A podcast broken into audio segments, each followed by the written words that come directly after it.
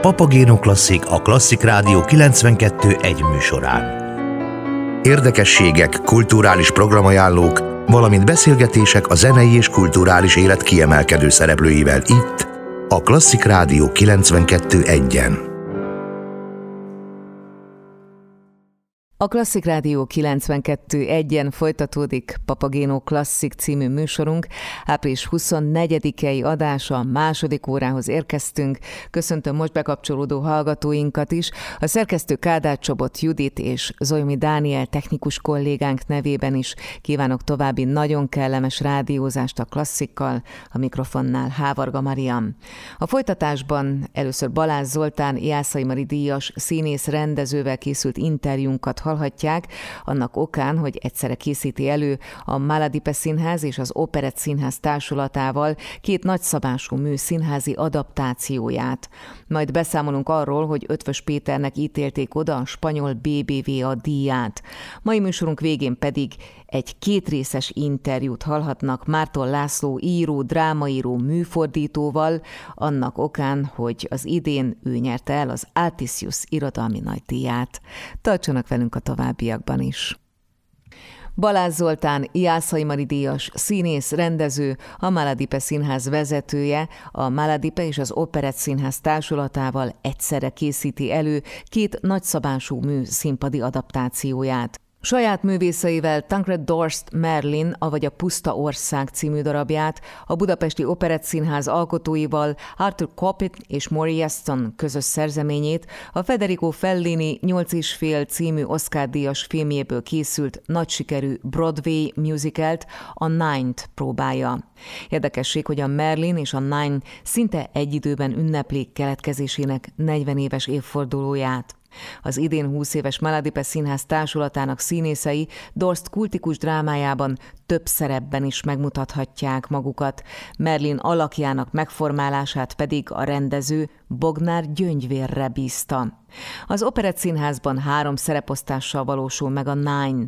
A színház állandó csapata mellett vendégként színpadra lép Bánság Ildikó és Keresztes Ildikó is. A budapesti bemutatón látható Broadway mű zeneszerzője Maury Aston hozzájárult a Balázs Zoltán rendezésében megvalósuló előadás bővített zenei anyagának elhangzásához.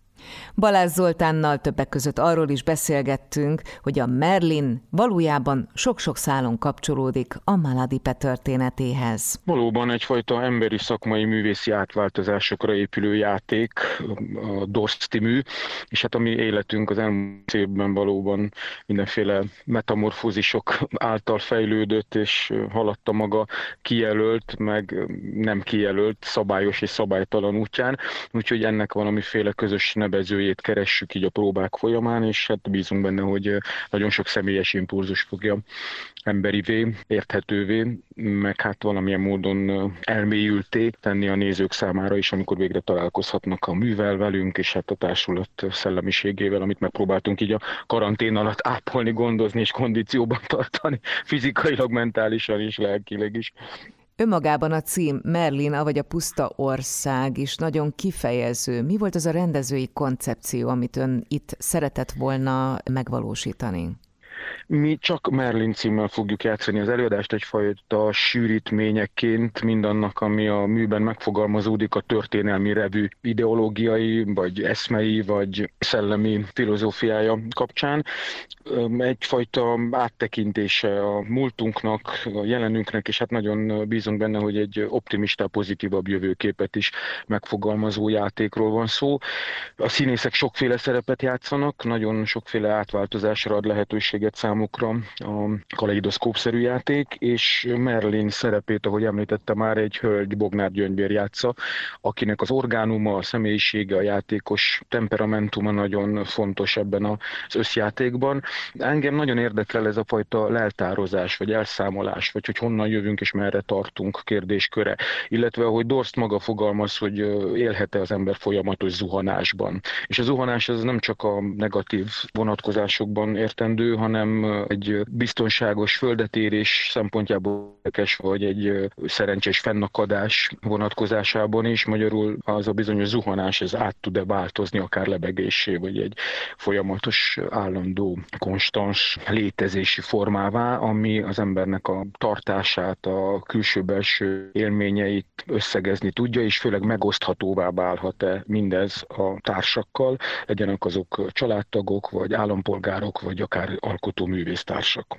A Maladipe elmúlt húsz éve összekapcsolódott egy nagyon érdekes kísérletezőkedvel, és természetesen ez kifejezetten az ön rendezői elvéhez is kapcsolható, és ahogyan a felvezetőben említettem, egyszerre két darab bemutatójára is készül. Ez a fajta kísérletezőkedv, amit a Maladipében láthatunk, megjelenhet-e egy teljesen más formában egy olyan Broadway műben, aminek azért nagyon szigorú keretei vannak? Az én személyiségem renitens, vagy kellően renitens ahhoz, hogy ez a fajta kísérletező kedv megmutatkozzon. Megvizsgálom minden oldalról, és természetesen egy saját szűrőn, illetve a szerző szűrőjén és az adott színészek személyiségének szűrőjén keresztül keresek valami közös nevezőt. Így van ez az operett színház művészeivel is, akik rendkívül nyitottan, integratív lényüket előtérbe helyezve fogadtak, és mindenféle őrültségemre nyitottak voltak. Soha egyetlen egy pillanatig sem éreztem azt, hogy konzerveket bontogatnék, tehát ha velem találkoztak, ráadásul jó időben, jó helyen, azt hiszem ez sokat jelent, kellő motiváltsággal tudtak a közös játékban részt venni. A nehézsége az, ami alkotó folyamatunknak, hogy már bemutató közelben voltunk, amikor le kellett állnunk, és hát csak ősszel fogjuk tudni újra motorizálni a próba folyamatot, ami azért elég speciális igénybevételt jelent, főleg úgy, hogy páran próbálnak, addig egy másik darabot be is mutatnak, sokfelé léteznek, mind énekesek, mind művészek, színészek, és ez azért nem egy akármilyen próbatételt jelent, de azt gondolom, hogy kellő alapokat sikerült letenni, úgyhogy lesz mire fundamentumra építeni ősszel de ez így van a világ bármely pontján is, ahol dolgozom. Tehát én azt gondolom, hogy egyrészt tudják, akik hívnak engem, hogy miért hívnak, mint rendezőt, már mint az igazgatókra gondolok, kettő pedig, hogy benne van a pakliban, hogy egyfajta szakmai megújulás vagy átváltozás részesei lesznek a művészek. Nem mondom, hogy könnyű velem, nekem sem mindig könnyű az adott művészcsapattal, de azt hiszem, hogy ez benne van az ilyen típusú kockázatos játékban és az ezzel járó kihívásokban.